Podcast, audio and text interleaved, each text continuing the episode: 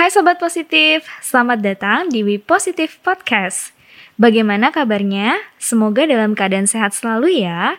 Mungkin saat ini Sobat Positif sedang mendengarkan podcast ini dari rumah, atau dari tempat kerja, atau bahkan sedang dalam perjalanan menuju suatu tempat. Namun, di mana pun Sobat Positif berada, tetap ikuti acara ini sampai akhir. Nah, Sobat Positif, kira-kira hari ini kita akan membahas topik apa ya? Mari kita ikuti We Positive Podcast hari ini. Selamat mendengarkan.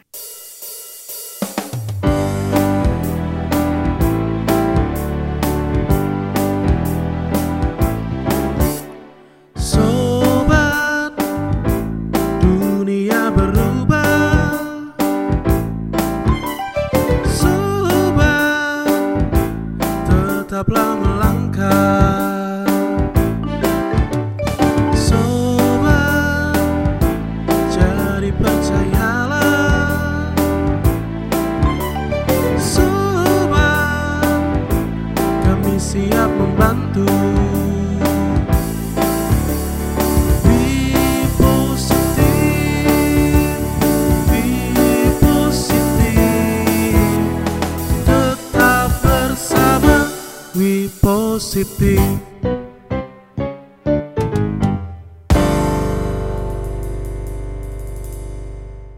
Sobat Positif, salam jumpa dengan saya Dia.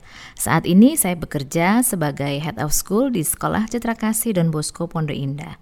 Selain itu, tentunya ibu dari seorang remaja putri.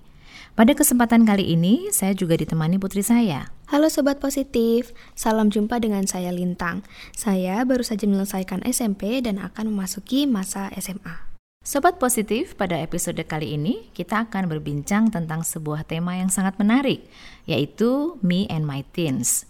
Saya merasa bersyukur karena memiliki relasi yang sangat dekat dengan anak saya yang mulai memasuki masa remajanya. Lintang, coba kamu ceritakan, menurut kamu seperti apa sih relasi kita selama ini? Ya, aku merasa bersyukur sih punya ibu seperti Bunda. Aku sejak kecil selalu bersama bareng Bunda. Aku merasa nyaman dan bisa menceritakan apa pun dengan bebas sama Bunda. Oh, begitu ya? Memang apa sih yang biasanya kamu ceritakan? Ya, banyak. Misalnya tentang sekolahku. Aku agak kesusahan, jadi aku minta bantuan Bunda. Lalu tentang teman-teman aku di sekolah. Biasanya kan aku juga curhat ke Bunda. Tentang sahabat dan teman, gimana mereka dan semuanya. Termasuk saat ada cowok yang nembak itu ya? Wah itu seru sekali, malah bunda yang jadi kepo akhirnya kan? Nah menurut kamu orang tua yang ideal dari sudut pandang remaja zaman sekarang itu yang seperti apa? Orang tua yang ideal, hmm, biasanya yang bisa menemani kita, bisa dengerin, dengerin apa aja kalau kita lagi cerita, dan pastinya yang mendukung positif terus anaknya. Wah, nah menurut kamu apakah bunda sudah jadi orang tua ideal buat kamu? Beruntungnya sih udah. Wow, thank you ya Lintang ya. Nah, kira-kira persoalan remaja zaman sekarang yang butuh dukungan orang tua itu apa saja? Mereka bisa kesepian, walaupun ada teman, tapi kan mereka nggak bisa semuanya cerita ke teman. Apalagi zaman sekarang pergaulan lebih bebas, lebih luas. Jadi kalau tidak ada dukungan dari orang tua, atau orang tua itu sulit dan kurang ada waktu untuk anak-anak mereka, untuk memberi pengarahan, nasihat, bisa membuat anak-anak lebih tidak terkendali. Jadi pergaulan mereka terjerumus pada hal-hal yang kurang baik gitu bun. Sobat positif, ternyata remaja zaman sekarang memiliki kebutuhan yang sangat berbeda dengan remaja zaman dulu. Remaja masa kini penuh dengan kemajuan zaman, tantangan yang justru tidak mudah dihadapi. Oleh karena itu, pendampingan orang tua sangat penting. Kita sebagai orang tua memang harus meluangkan waktu bersama anak kita, meskipun tugas dan pekerjaan kita sungguh padat.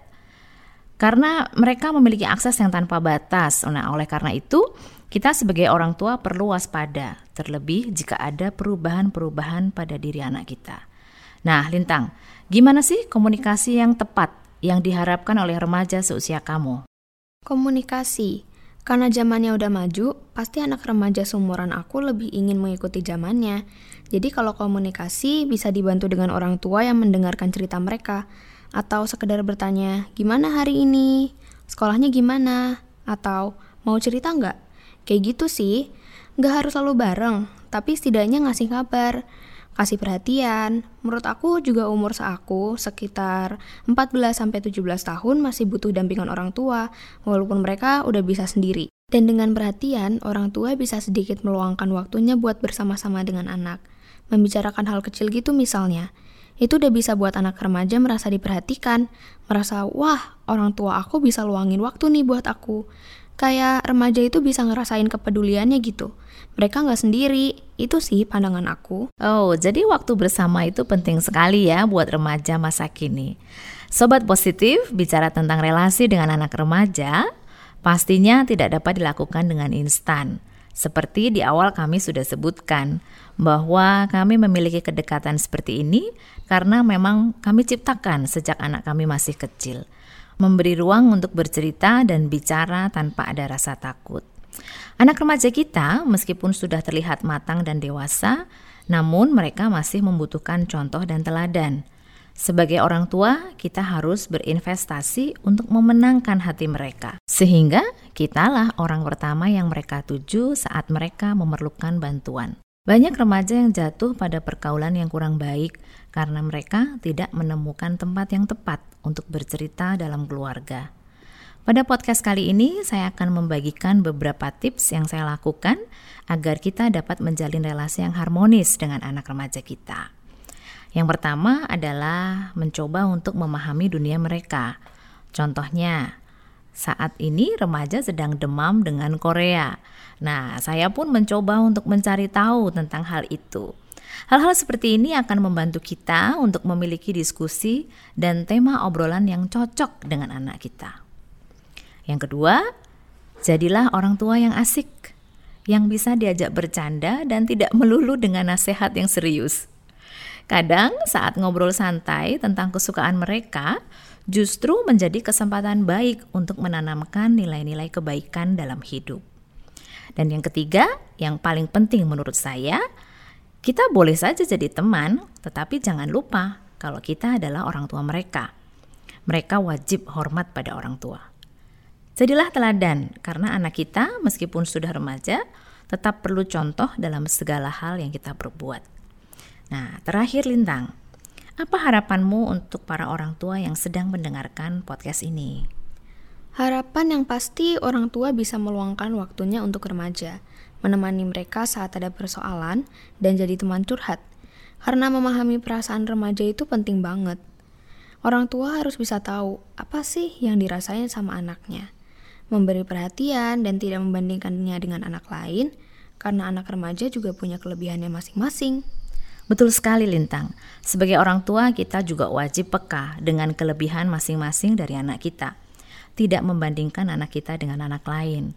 Mulai kenali potensi mereka lalu bantu mereka untuk mengembangkannya.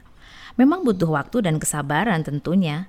Jangan patah semangat ya sobat positif untuk membantu anak-anak kita karena kita punya peran yang luar biasa dalam menemani mereka meraih suksesnya masing-masing. Demikian Sobat Positif, bincang-bincang kita mengenai Me and My Teens, membangun relasi dengan anak remaja. Kami berharap Sobat Positif dapat menikmati kedekatan dan memiliki relasi yang harmonis bersama putra-putrinya.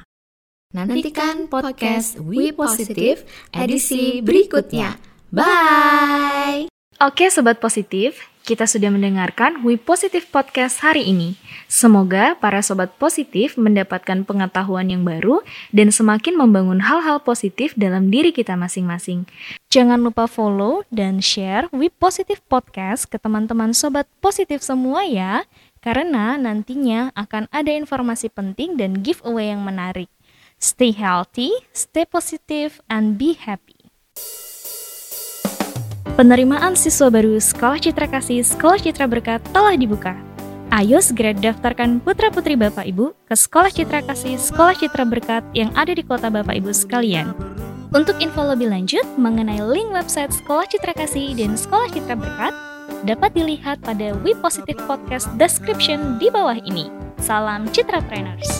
Sobat, jadi percaya